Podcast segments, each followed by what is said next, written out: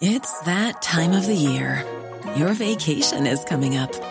You can already hear the beach waves, feel the warm breeze, relax, and think about work. You really, really want it all to work out while you're away. Monday.com gives you and the team that peace of mind. When all work is on one platform and everyone's in sync, things just flow wherever you are. Tap the banner to go to Monday.com. Ready to pop the question? The jewelers at BlueNile.com have got sparkle down to a science with beautiful lab grown diamonds worthy of your most brilliant moments. Their lab grown diamonds are independently graded and guaranteed identical to natural diamonds, and they're ready to ship to your door. Go to Bluenile.com and use promo code LISTEN to get $50 off your purchase of $500 or more. That's code LISTEN at Bluenile.com for $50 off. Bluenile.com code LISTEN. I'm Sandra, and I'm just the professional your small business was looking for. But you didn't hire me because you didn't use LinkedIn jobs. LinkedIn has professionals you can't find anywhere else, including those who aren't actively looking for a new job but might be open to the perfect role, like me. In a given month, over 70% of LinkedIn users don't visit other leading job sites. So if you're not looking on LinkedIn, you'll miss out on great candidates like Sandra. Start hiring professionals like a professional. Post your free job on linkedin.com/people today. Palmemordet Granskningsdebatten del 2 Sveriges statsminister Olof Palme är död. 90 000. Ja, det är mord på Sveavägen. Hörde de säger att det är Palme som är skjuten. Mordvapnet med säkerhet är en Smith Wesson, en revolver kaliber .357. Inte ett svar. Det finns inte ett svar. För jag har inget. Polisen söker en man i 35 till 40-årsåldern med mörkt hår och lång mörk rock. Välkomna till podden Palmemordet som idag görs av mig, Tobias Henriksson på PRS Media. Innan vi kör igång med dagens avsnitt vill jag bara påminna om att ni väldigt gärna får sponsra oss för att se till att vi kan göra ännu fler och bättre avsnitt. Det lättaste är att gå in på patreon.com palmemordet och donera en summa som podden får per publicerat avsnitt. Det är alltså patreon.com palmemordet. Om du vill donera via Swish istället, ja då hittar du numret i avsnittsbeskrivningen. Idag fortsätter debatten mellan granskarna Andreas Karlsson och Per Wallander och författarna och journalisterna Gunnar Wall och Lars Borgnäs. En debatt som ni hörde första delen av i förra avsnittet. Om ni inte har lyssnat på det än så kan det vara en god idé för att förstå vad som avhandlas i dagens program. I korthet anser granskarna att Wall och Borgnäs är konspirationsteoretiker, något som författarna avfärdar helt. I första avsnittet debatterades allt ifrån eventuell politisk färg på det man skriver till vad som är en journalists uppgift. Och som sagt, idag hör ni resten av den här debatten. Precis som ni hörde i förra avsnittet så har jag försökt att klippa så lite som möjligt i debatten för att ni ska få känslan av att vara med på plats. Det enda som klippts bort i det här avsnittet är när folk pratat i munnen på varandra i en sån omfattning att det inte gick att urskilja vad poängen egentligen var. Men nu över till själva debatten, där vi börjar med det sista som Per Wallander sa i förra avsnittet för att få en ingång till dagens program. Det är klart att journalister ska peka på brister och sådär, men någon gång får man sluta peka också. Eh, vi måste få replik eh, från eh, både Lars och Gunnar. Är det någon som är sugen på? Ja, jag vill gärna, jag vill gärna, jag har mycket att säga. Eh, man måste, för, någon gång måste vi sluta peka. Ja, okej, okay. ta DC3 till exempel. 1952 sköts den ner. Och det hävdades från väldigt tidigt att det var mer bakom detta än det som officiellt kom fram. Hundratals människor var in, införstådda med DC3ans verkliga agerande, vad de sysslar med. Att det var ingen vanlig utbildningsflygning som änkorna fick veta. Och det höll man i 50 år, höll man den sanningen dold för svenska allmänheten. Det var i verkligheten en mörkläggning, en klassisk mörkläggning från myndigheternas sida, militära myndigheternas sida, från politikers sida. Det var en konspiration mot medborgarna kan man säga. Först 50 år senare så kom sanningen fram att det var en spionflygning rakt av. Och, i samarbete med USA. Eh, så att det här var ju en... Eh, och då skulle man alltså förlitat sig på fått veta vad som egentligen låg bakom DCT. Tycker ni det är bra? Tycker du Per det hade varit bra att inte fått veta? Du kanske tycker att det vore jättebra att, att vi hade kunnat glömma bort detta? Okej, då, får, då får du väl tycka det då. Nej, Eh, sen det här- nej, nej, nej, det tycker jag inte. Nej, nej men då, då har du ett Men exempel. det är två olika saker Lars. Ja, det får du återkomma till då i så fall.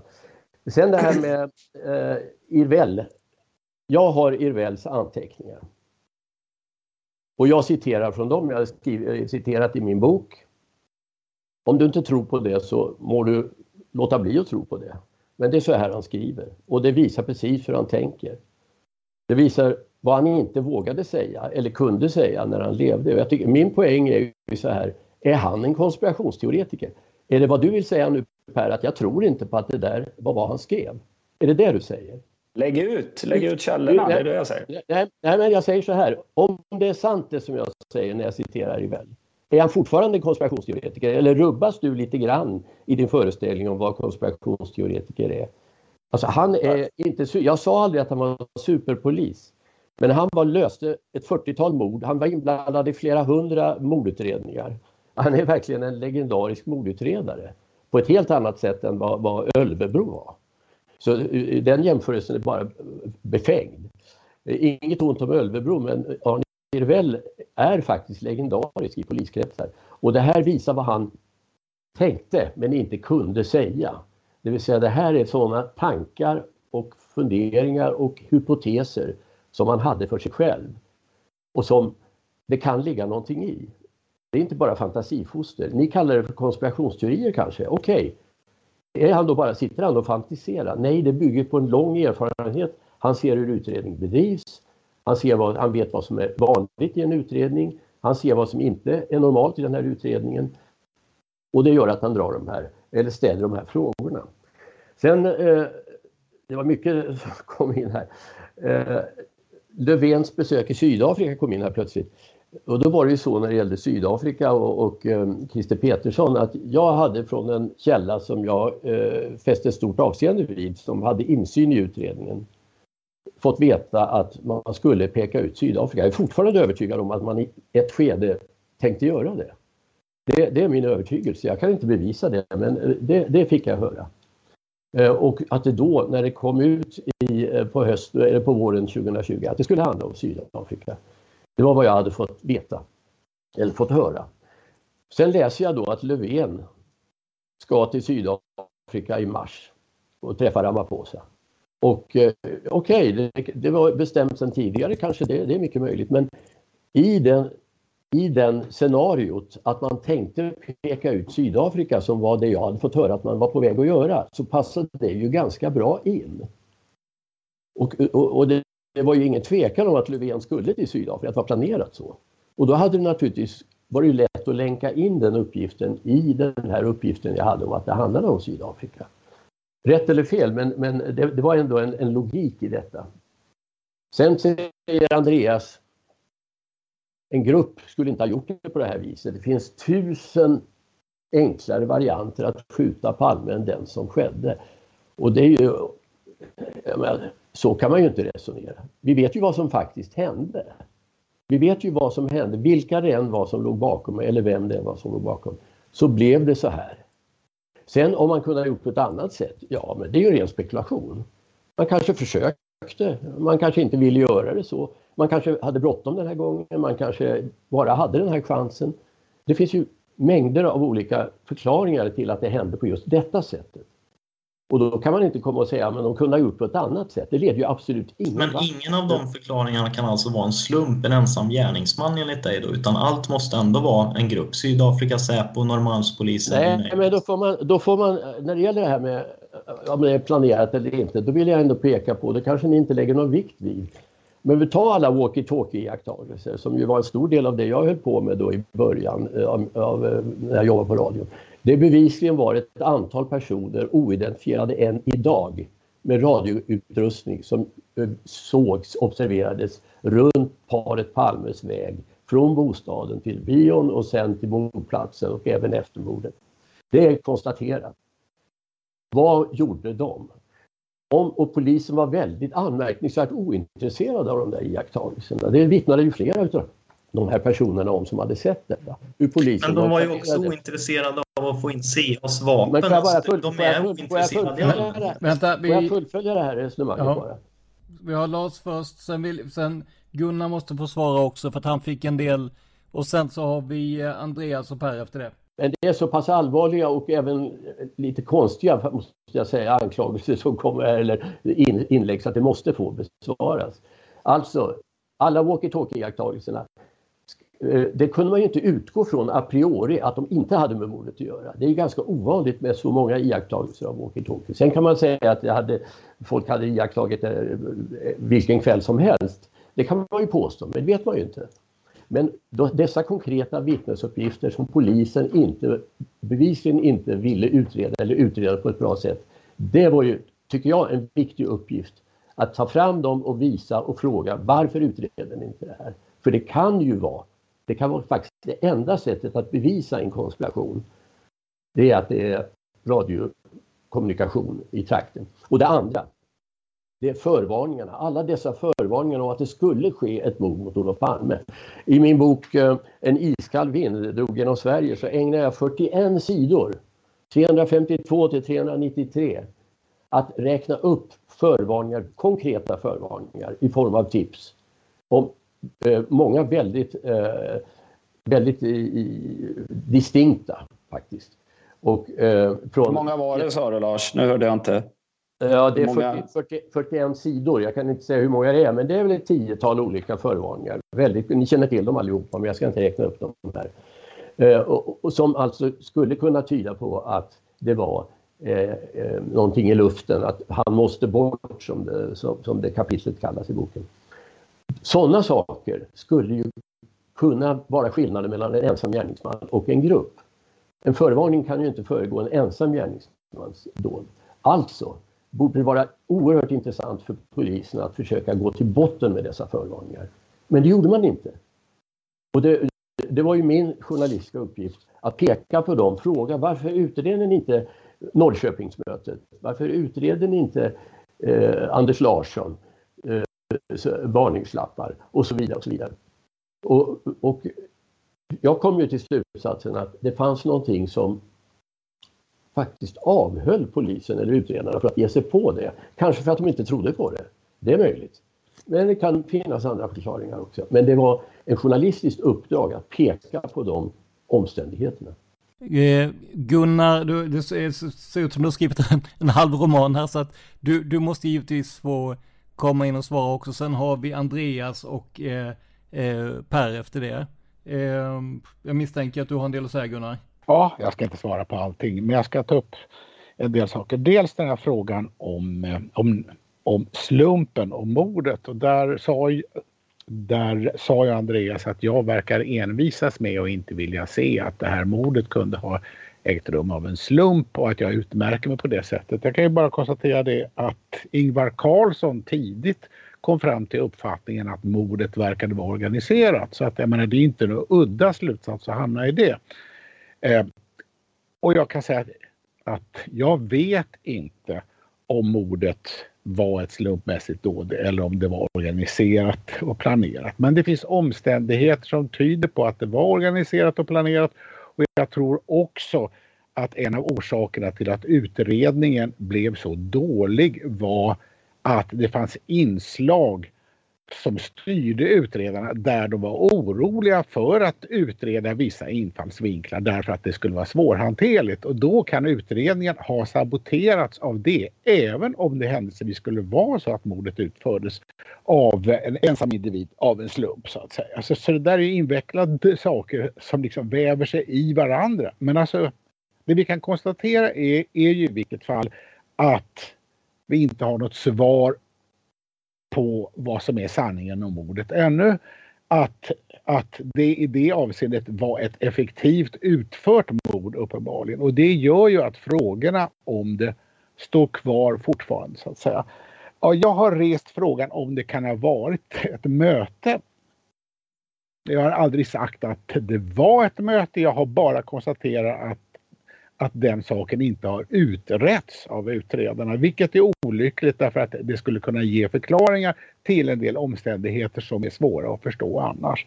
Men då undrar jag Gunnar, vad ska man göra för konkret utredningsåtgärd för att utreda mötesscenariot, tycker du? Man kunde ha förhört de centrala vittnena som lämnade uppgifter om det till exempel om man kunde ha förhört Lisbeth. När, när skulle man ha hört dem då? Ja, men vänta, låt så fort som möjligt naturligtvis.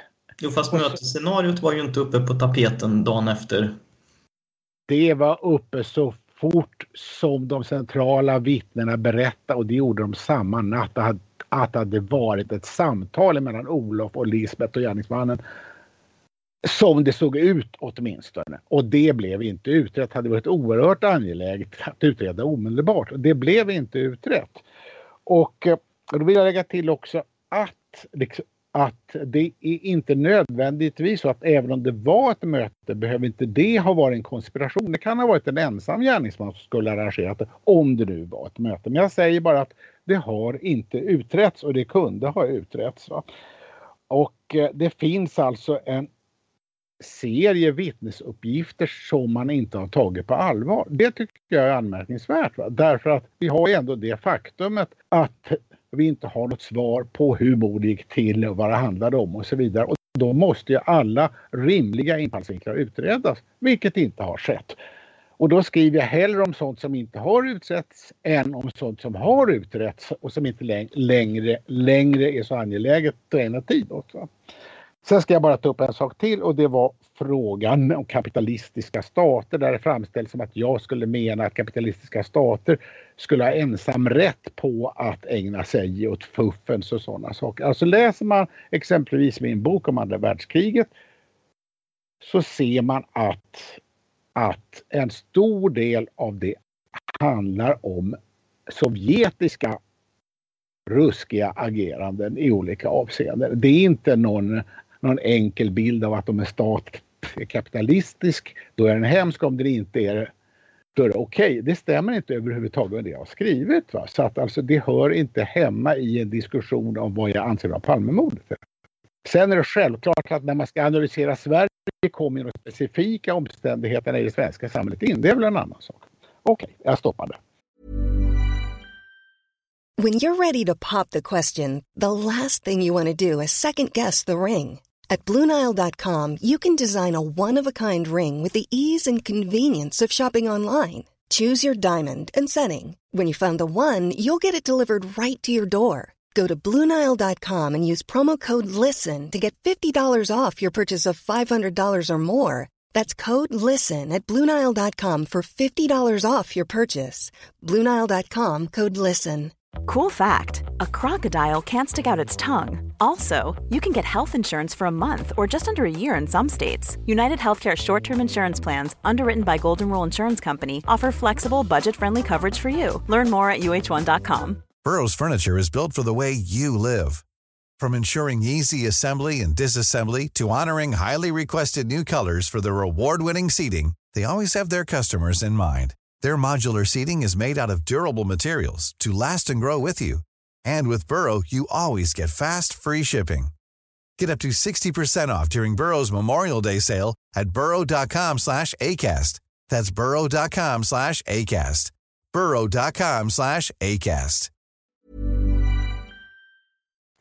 Nu är det så här, nu har vi Per och Andreas på kö. Ni får slåss om uppmärksamheten eller på att säga, men... Nej, men jag tänker, nu tycker jag att Gunnar svarar på frågan överhuvudtaget där beträffande eh, den ideologiska ståndpunkten och Palmemordet. Och med det sagt så tycker jag att eh, jag, jag är mycket för att man ska gå in och läsa själv, ta del av källorna själv. Så jag kan väl dela med mig av den här eh, artikeln som Gunnar har skrivit så får man väl själv ta ställning till vad man anser om det. Eh, jag, jag tänker koppla på lite eh, vad Lars sa där. Du, du fick frågan beträffande Sydafrika av Andreas att, att, att du trodde verkligen på det. Du hade fått det till livs och det var dina källor och det tänker jag väl Lars att eh, du får ta det som en passning.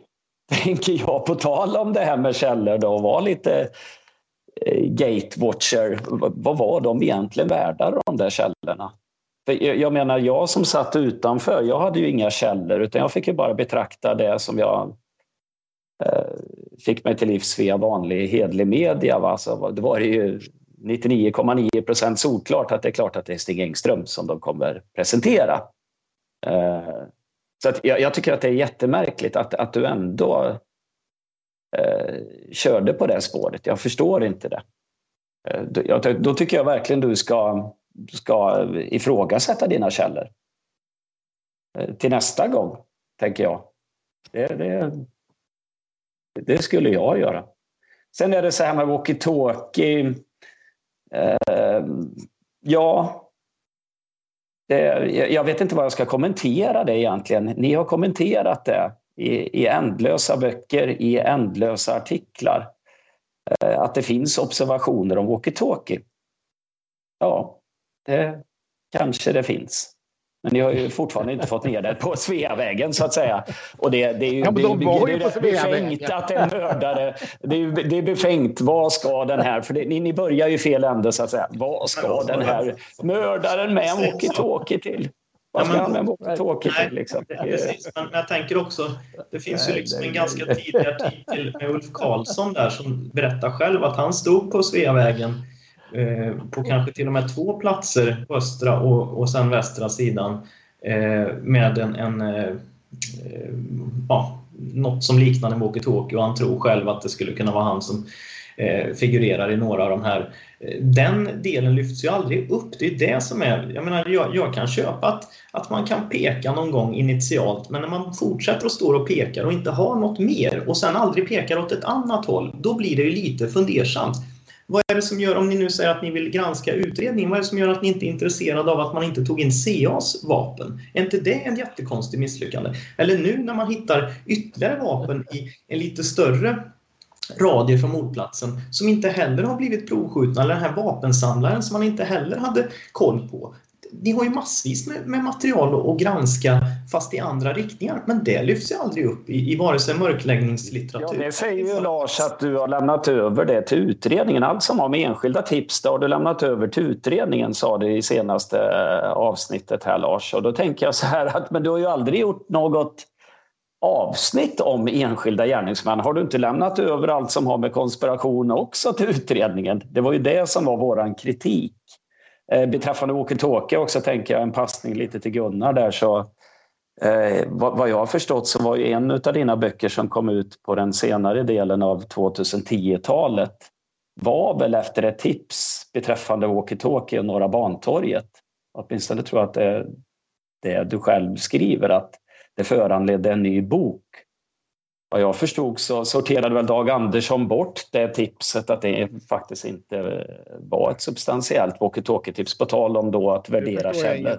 Nu förstår jag ingenting. Där får du liksom komma igen till. Det här verkar fullständigt fel. Ja, men du, du, du skriver... Du, du, nu har jag... Jag skrev inte en ny bok med anledning av ett tips om walkie-talkies. Jag har skrivit om ett tips som handlar om ja, du ägnar dig, ut, du ägnar dig ganska mycket utrymme i alla fall, det walkie-talkie-tipset. Du, du ägnar dig ganska mycket utrymme det här Norra Bantorget. Och vad har Dag Andersson sagt att det inte var intressant?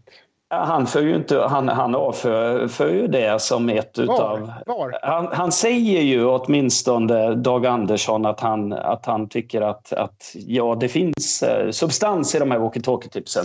Mm. Vi ska fortsätta att, att utreda ja. dem. Sådär, ja. Ja. Men just det tipset, eh, eh, när jag går in och läser källorna så har han ju avfört det som ett, ett, ett tips som kanske inte Var har han sagt det? överensstämmer. Ja, jag får återkomma till det. Jag tror du har fel. Ja, får jag komma in här nu? Det är inte mitt tips.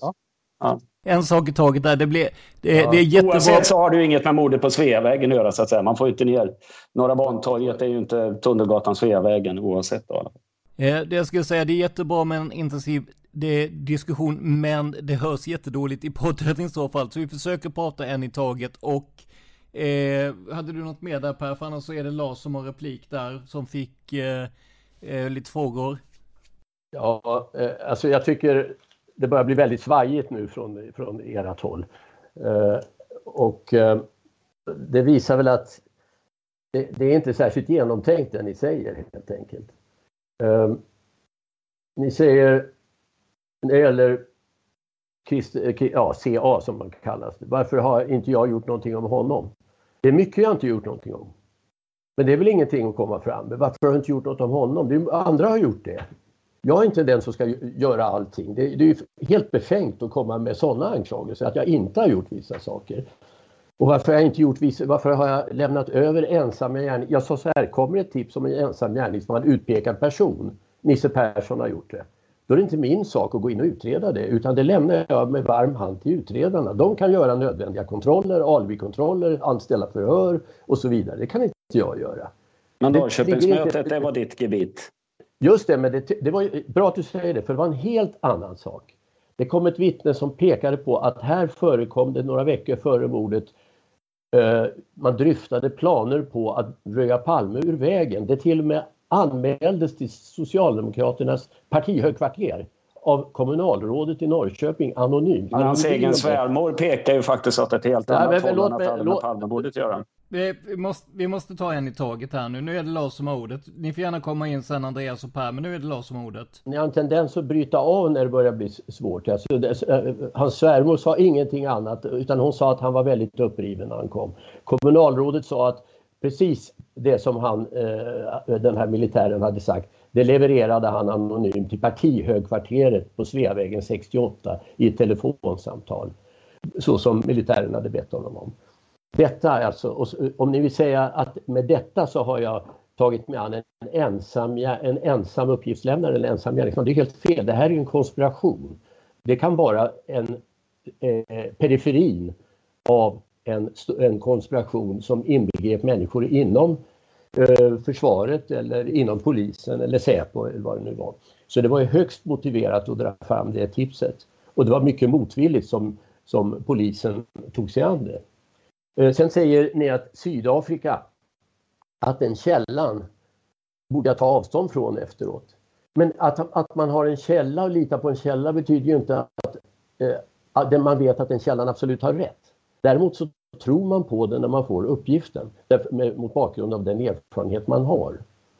Och det, det, var alltså, eh, jag hade en längre tid fått veta att man arbetade med Sydafrika. Så att, och det kan vara rätt eller fel, det, kan, det visar sig att det inte blev så när man gjorde så småningom utpekade Engström. Men jag vidhåller att jag tror att det är möjligt att, att man hade den planen i ett skede att gå in för Sydafrika och sikta på Sydafrika. Jag kan inte säga att jag, att jag har bevis för det, men det, det är min egen tro. Eh, självklart så, så, var det här en missräkning att den här källan gav mig fel uppgifter, det, det kan jag ju säga, men, men så som den kom till mig så var den mycket trovärdig. Jag, tänk, jag, tänker, jag tror att jag har någonting som vi ändå kan enas om, höll jag på att säga, eller som, som vi ska diskutera som är väldigt spännande och det är ju det här, vad säger källor till journalister och vad säger källor till polis? För det här, det här finns det gott om exempel på. Eh, när källor lämnar uppgifter till journalister som inte inte överensstämmer med de uppgifterna de lämnar till polis. Det här, det här gäller ju inte enkom Palmemordet. Eh, det, det här tycker jag är jättespännande och hur, hur ni förhåller er till det och vad ni tänker om det faktumet. För att det är ju faktiskt ett faktum. Att, att det, det här går lite stick i stäv. Vad människor säger till polis i en polisutredning och vad människor, så kallade källor, då säger till journalister. Så det är väl en, en sån fråga jag kastar ur mig till både Gunnar eller Lars. Nej, men det är en bra fråga och den kompliceras ju av att det vi läser i polisförhör eller i artiklar i tidningarna behöver ju för det första inte stämma överens riktigt med vad källan faktiskt sa. Det är en svårighet. Det vet vi och det gör ju att det här är ett ämne som är väldigt invecklat. Det är också invecklat därför att det finns olika skäl för källor att inte berätta precis som det var i båda fallen. Man kanske vill snacka med journalist, man kanske vill få större uppmärksamhet, man kanske överdriver vissa saker. Man kanske snackar med polisen, man kanske är rädd för att få obehag eller man kanske tror att vissa uppgifter inte är önskade och man säger inte de sakerna och så vidare. Så att det här är invecklat och det är svårt och det innebär naturligtvis att när man talar med en källa måste man vara väldigt omsorgsfull och försöka få fram information från annat håll också. Vilket ibland kan vara svårt just eftersom det kan vara så att källan inte vill röja, röja för andra vem det är som har sagt någonting. Men eh, det finns olika sätt att angripa det och det måste man ta på allvar. Såklart, absolut. Jag tänker att Jörgen B är väl ändå ett typexempel på det. Vad jag förstod och vad jag kan läsa mig till också nu när, när, när källorna finns offentliga så att säga. Så, eh, det är ju inte alls samma sak som kommer fram i, i, i, i Borgnäs program från SVT när det begav sig. Vad, vad som står i polisförhör, tänker jag. Alltså, här var det ju en person som var inbegripen i eh, hemlig militär verksamhet och som eh, berättade, det var därför han var där eh, i, i, i det här Norrköpings polishus. Ja, enligt honom själv var det det, inte enligt andra, ska jag vilja påstå. Nej, och, och det kan ju finnas skäl till att man inte berättar om en sån sak faktiskt. Det, det, ja, på, på, liknande vis då naturligtvis om vi ska värdera källor så kan det finnas skäl till honom att förstora och få uppmärksamhet också naturligtvis. Och det, det är precis det vi måste lägga i vågskålen. Mm. Jo, nej men det är ju sant att eh, det är ju en risk eh, att man sätter sig i knät på en källa eh, och sen visar det sig att man inte borde ha gjort det. Men det vill jag inte alls säga att det gällde Jörgen utan där är jag övertygad om att han, han berättade precis som det var. Och sen, sen må man ju tro något annat om man vill, men, men det var min uppfattning. Men det, jag, jag, kan hålla med om att vi, en del inslag och reportage jag har gjort, de kan ju bygga på uppgifter som i efterhand visade sig tveksamma. Men det gäller absolut inte det med walkie-talkies som du Per börjar säga. Det kanske fanns folk med walkie-talkies. Det är ju helt befängt att säga så. Ja, det är ju ja, det jag menar Lars är ja, naturligtvis det, det, det, att det är walkie-talkie på stan idag. Va? Men medan vi sitter här i pratande stund så är det väl folk som pratar, nu använder man ju inte walkie-talkie men som pratar ja, hemligt med sin mobiltelefon. 86 fanns det inga mobiltelefoner, det fanns inga människor som gick och pratade i apparater i stan om de inte hade walkie-talkie, så enkelt var det ju. Och det konstaterar ju även polisen. Det var därför man eh, hörde efter med, med folk som hade walkie-talkies om de hade varit ute. Säpo sa ju att de inte hade varit ute med walkie-talkies. Idag vet vi att Säpo ljög på den punkten. PG Ness ljög när han sa att eh, de inte var ute med några radioapparater. Ja, men det är ju Säpos natur så att säga. Jo, det, kan vi, det kan vi tycka vad vi vill om både Nej. Lars och Gunnar och det kan vara ja, men, kapitalistiskt och hemligt och demokratiskt. Men det är ju Säpos natur. Varför ska du, varför ska du, avbryta, varför ska du avbryta mig just när jag säger den saken? Ja, alltså Säpo, ja men kom igen nu. Säpo har nu meddelat 35 år efteråt att det de sa tidigare om att de hade, inte hade folk på stan med radioapparater, det var fel. Och det är ju en enormt viktig uppgift, potentiellt enormt viktig uppgift. När det har letats efter folk med radioapparater i 35 år så kommer de efter den tiden att säga att vi hade folk ute på stan. Vad säger det om till, trovärdigheten, tillförlitligheten? Alltså de, de har sagt... Vänta, vänta, vänta, vi ska vara noggranna med att de har ju sagt att de har haft folk ute på stan hela tiden, eller hur? Ja, men inte med radioapparat. De har talat att de hade en knattegrupp ute, som, eh, som Ness sa. Men mm. inte att de hade med radioapparat. Det hade ju varit en avgörande uppgift för utredare att få reda på att Säpo hade folk ute på stan på natten. Men det sa de inte på 35 år. Och så kommer det fram av en slump, eller inte genom att de berättar det. Och det visar ju någonting hur Säpo agerar. De har hemligheter. De mörklägger vissa saker. Och Lars, det, på vilket det, sätt hade det varit en avgörande uppgift? Potentiellt avgörande uppgift. Att Säpo hade folk ute på stan. Hade de folk ute för att bevaka Palme? Hade de, och så, bara en fråga jag ställer. Det, det ligger ju i så att säga, sannolikhetens riktning. En fråga det inte går att få svar på. Jo, det gör det visst det. För det finns fortfarande människor i livet. Och jag kan namnge några om ni vill, fast inte här. Som skulle kunna svara på den frågan. Och, och som jag säger, Arne Irvell efterlyste just detta, att man inte gick in i Säpo och försökte få fram svar. Man fick inte gå in i deras eh, arkiv. Vi vet att Palme, eh, Palmeakten är bränd. Eh, helt skandalöst verkligen. Varför bränner man statsministerns akt efter ett mord på honom? Det kan ju bara, eh, hur förklarar man det om inte genom att man tycker inte den ska finnas kvar av någon anledning? Så att det ja, finns det, ja, ja, ja, jag tror att jag har ett bra svar på det, men jag, det är inget Nej, som jag vill torgföra här. Men det har inget med mordet att göra naturligtvis. Nej, men jag har inte någon fråga till dig, utan jag bara säger så här. Det finns så mycket som pekar på att Säpo har saker de inte har svarat på. Att de bär på hemligheter och som inte har fått veta, som utredaren inte fått veta. Och därför var det Christer Petersson la ner utredningen. Det ligger i Säpos natur, Lars, men frågan är, har det med Palmemordet att göra? Nej. Sten Andersson sa till mig så här en gång att Säkerhetspolisen blir lätt en stat i staten, sa utrikesminister Sten Andersson till mig. Säkerhetspolisen blir lätt en stat i staten. Och vad betyder det? Det betyder att om de har med Palmemordet att göra och hindrar rättvisan från att komma fram och sanningen, då lever vi i en polisstat. Ja, det är lätt att peka på dem, tänker jag. Men vänta nu, innan vi, vi eh, fortsätter. Andreas har suttit här och, och begärt ordet länge här, så att jag vill bara, jag vill bara släppa in honom här och eh, Andreas, kör. Jo, jag håller med dig Lars att det blir spretigt, men, men inte på grund av att det är svajigt, utan snarare att det är en pyttipanna med massa olika saker som ni pekar på lite löst. Och det, och det är också svårt i det här mediet och forumet när det blir en lång utläggning där det kommer upp tre nya grejer med Anders Larsson helt plötsligt och DC3 och allt vad det nu kan vara. Det, det, det är svårt, man skulle nästan vilja ha en 30 minuter och dissekera Norrköpings icke-mötet och 30 minuter och dissekera mötesscenariot och så håller man sig bara till det och sen tar man 30 minuter hur eh, journalister jobbar mot, mot eh, uppgiftslämnare och så vidare. För jag tänker ju då att om du då har Jörgen, din version av Jörgen och så ser man vad andra då, polisutredningen, eh, vad granskningskommissionen skriver och så vidare och det är även den här polismannen också som har, eh, känner till Jörgen eh, sedan tidigare då och, och samma med det här Sydafrika-tipset då, och så, då, då blir man ju lite fundersam till källor i allmänhet och då är det så här lösa pekningar igen utan några substantiella bevis. Det gäller även walkie-talkies. Då får du visa vad, vad har det med mördaren att göra. Då måste ju mördaren ha walkie-talkie. Det är ingen som har berättat att han har två hölster på sig eller att han är utbildad i närstrid och närkommunikation via walkie-talkie.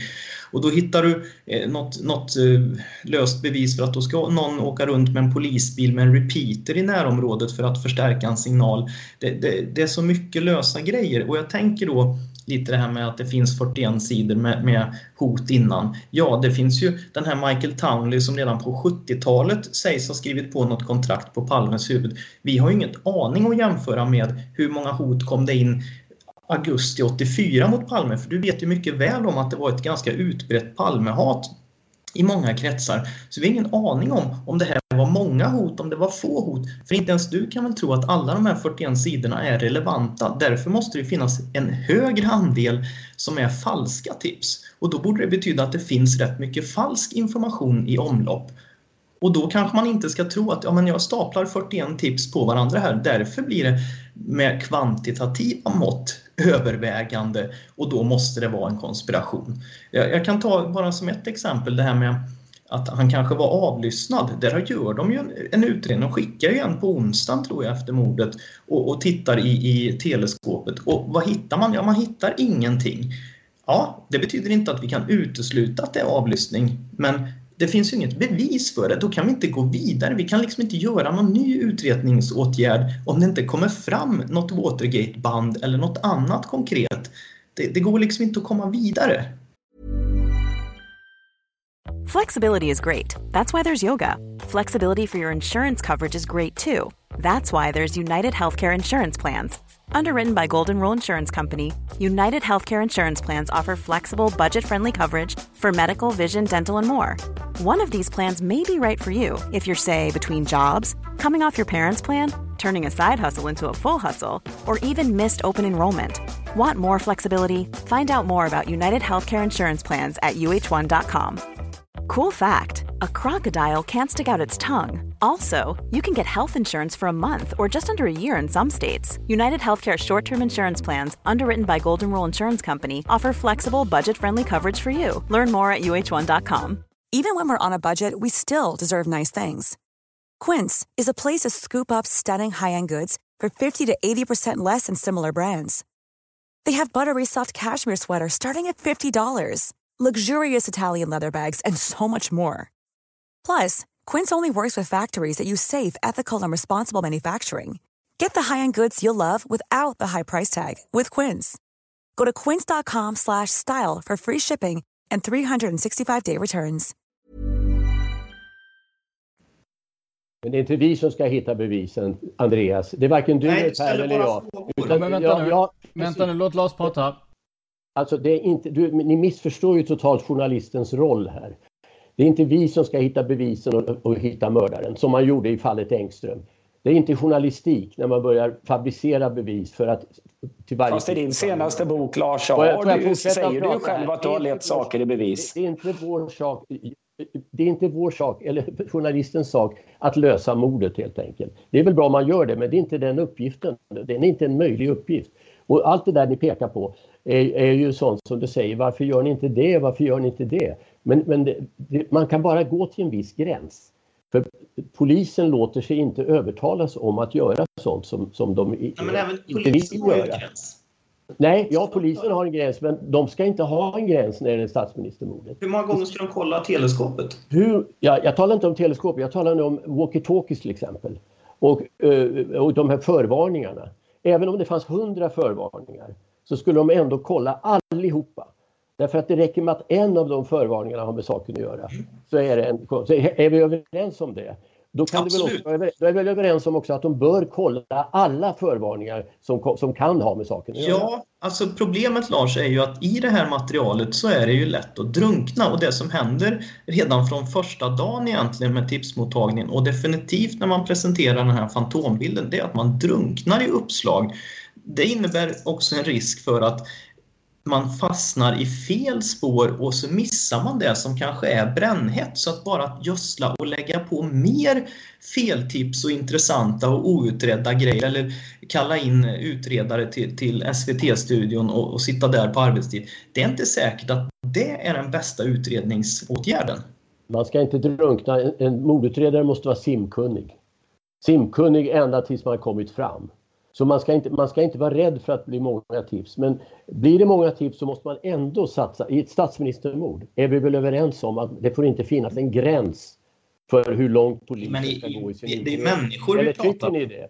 Det är Ni människor vi pratar om. Ja, Men vi talar om människor och resurser. Och polisen har ju inte haft tillräckligt med resurser. Det, så är, enkelt är det. Därför man har inte ansett det vara tillräckligt viktigt. Speciellt de, speciellt de sista 20 åren så har det varit totalt på som resurser. är svårutrett de senaste 20 åren. Det är bara att titta på eh, Holmers ansträngningsinsats un- under början där. De har ju möten från morgon till kväll och däremellan jobbar häcken av sig.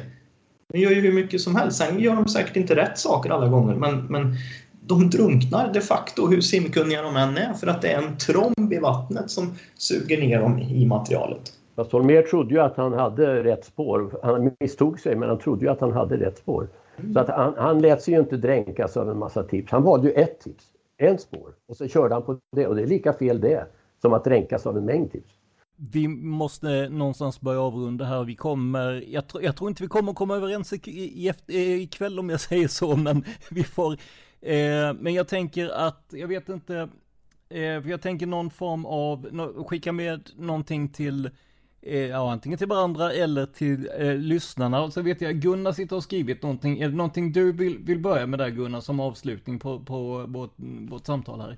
Det går inte att säga så väldigt mycket på den korta tiden vi har kvar. Eh, utan jag kan bara säga att eh, de som är intresserade får ju läsa och eh, titta på och lyssna på det Lars och jag har skrivit i andra sammanhang och se det här som en smakbit på en större diskussion helt enkelt. Va? Per? Eh, ja, jag eh, fortsätter, eller tar vid. Tar vid Gunnar. Men jag tycker också folk ska läsa. Jag tycker folk eh, ska läsa själva till att börja med. Jag tycker inte att, att, att ni ska fil- filtrera det källmaterial genom Gunnar Wall och Lars Borgnäs, utan läs själva. Och gör det utifrån källkritiska principer. Sen tycker jag också att det var väldigt synd att vi inte kom in på Hans Holmér i det här. Eh, Jag hade jättegärna velat göra det och ställa massor med frågor beträffande Hans Holmér och eh, de här nya banden och Åseden och allt vad det heter till, till Gunnar. Tråkigt. Hoppas vi får återkomma till det. På min blogg så kommer med att skriva en text om Holmer och Åsheden som kommer att läggas ut mycket snart. Så det kan ju vara ett underlag i en sån diskussion. Ja, ja. Lars, du var inne ganska nyligen, men är det någonting du vill liksom skicka med som slutord? Nej, jag säger väl som eh, någon sa här förut. Eh, bilda er som, ni som lyssnar, bilda er en egen uppfattning. Lita inte på oss som sitter här, utan lita bara på det som är skrivet, gjort på tv, gjort i tidningar och så vidare och använd ditt eget goda omdöme. Andreas slutligen? Ja, nej men eh, jag kan väl bara förtydliga det sista som de två sa där, föregående talarna. Att läs alltså förhörsprotokollen själva i så fall och, och eh, ursäkta uttrycket då, men oberoende myndigheter och eh, polisens dokument i första hand snarare än det som har filtrerats genom eh, ja, privatspanare i utredningens intressen eller spanare i privata intressen, jag, jag vet inte. Men, men läs liksom källorna i första hand. Och sen kanske också jämföra då vad, vad, hur tolkar den här personen dem eller hur uttrycker sig eh, den här personen eller det här tv-programmet den här källan. Det är inte alltid samma sak verkligen. Vi är överens om att eh, gå till källorna och bilda sig en egen uppfattning. Jag tror det är ungefär så överens vi blir ikväll. Så att eh, tusen tack allihopa för att ni hade möjlighet att ställa upp trots att det blev lite teknikstrul i början och att vi eh, Ja men ändå att vi, vi fick en möjlighet att prata kring det här. Eh, så att ja, stort tack allihopa. Mm, tack, tack. Tack, tack själva. Tack. Tack. Hej då. Det här var alltså den andra och sista delen i det vi kallar granskningsdebatten. Stort tack till de medverkande som trots att man inte tycktes vara överens i sak i alla fall ställde upp på att prata med varandra i det här forumet. Har du synpunkter eller tips till oss? Maila oss gärna på poddenpalmemordet gmail.com Alltså podden Palmemordet i ett ord gmail.com. Vi försöker svara på allt, men ha lite tålamod då det ibland kan ta en stund på grund av hög arbetsbelastning. Glöm inte heller att du kan stötta podden ekonomiskt om du vill och har möjlighet. Du hittar alla sätten att göra detta på i avsnittsbeskrivningen. Det här var veckans avsnitt av podden Palmemordet som idag gjordes av mig, Tobias Henriksson på PRS Media. För mer information om mig och mina projekt besök facebook.com prsmedia.se eller gilla oss på Instagram där vi heter PRS Media. Ett ord, små bokstäver. Stort tack till Andreas Karlsson, Per Wallander, Gunnar Wall och Lars Borgnäs för er medverkan i den här debatten. Men framför allt, stort tack för att du lyssnar på podden Palmemordet. Man hittar Palmes mördare om man följer PKK-spåret till botten. Därför att ända sedan Julius Caesars tid har jag aldrig hört talas om ett mord på en framstående politiker som inte haft politiska skäl. Polisens och åklagarens teori var att han ensam hade skjutit Olof Palme. Och det ledde också till rättegång, men han frikändes i hovrätten.